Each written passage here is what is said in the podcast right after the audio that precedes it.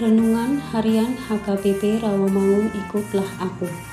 Jumat 1 September 2023 Dengan judul Memperhatikan Ajaran dan Hukum Tuhan.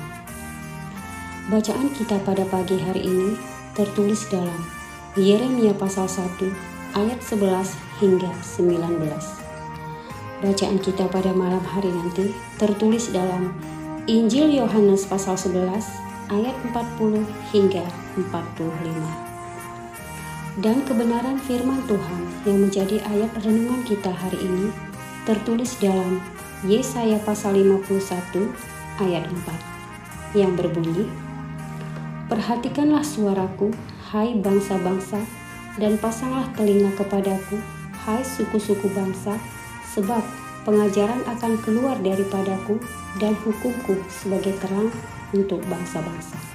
Demikian firman Tuhan. Sahabat, ikutlah aku yang dikasihi oleh Tuhan Yesus. Bangsa Israel telah melihat banyak hal yang dilakukan Tuhan, tetapi tidak memperhatikan atau memasang telinga untuk mendengar suara Tuhan, sehingga mereka seperti bangsa yang buta dan tuli.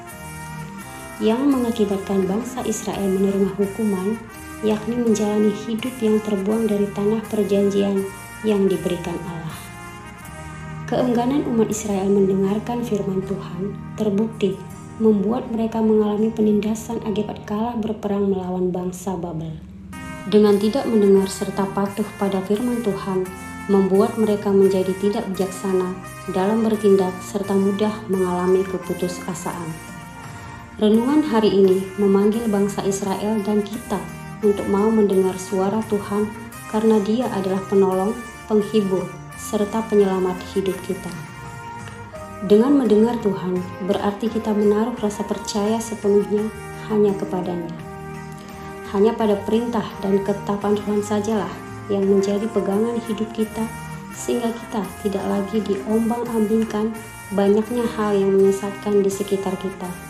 Jika kita setia mendengarkan firman Tuhan, maka kita akan mampu mengalahkan ketakutan saat kita mengalami tekanan hidup. Karena melalui firman Tuhan itu akan mengajar dan mendidik kita sehingga berhikmat dan menjadi terang dalam hidup kita. Untuk itu marilah kita senantiasa memakai telinga dan hati kita untuk senantiasa mendengar firman Tuhan. Yakinlah melalui kehadiran firman-Nya dalam hidup kita, maka Allah juga hadir di kehidupan kita. Amin. Marilah kita berdoa. Tuhan, ajarlah kami untuk lebih peka dalam mendengar suaramu.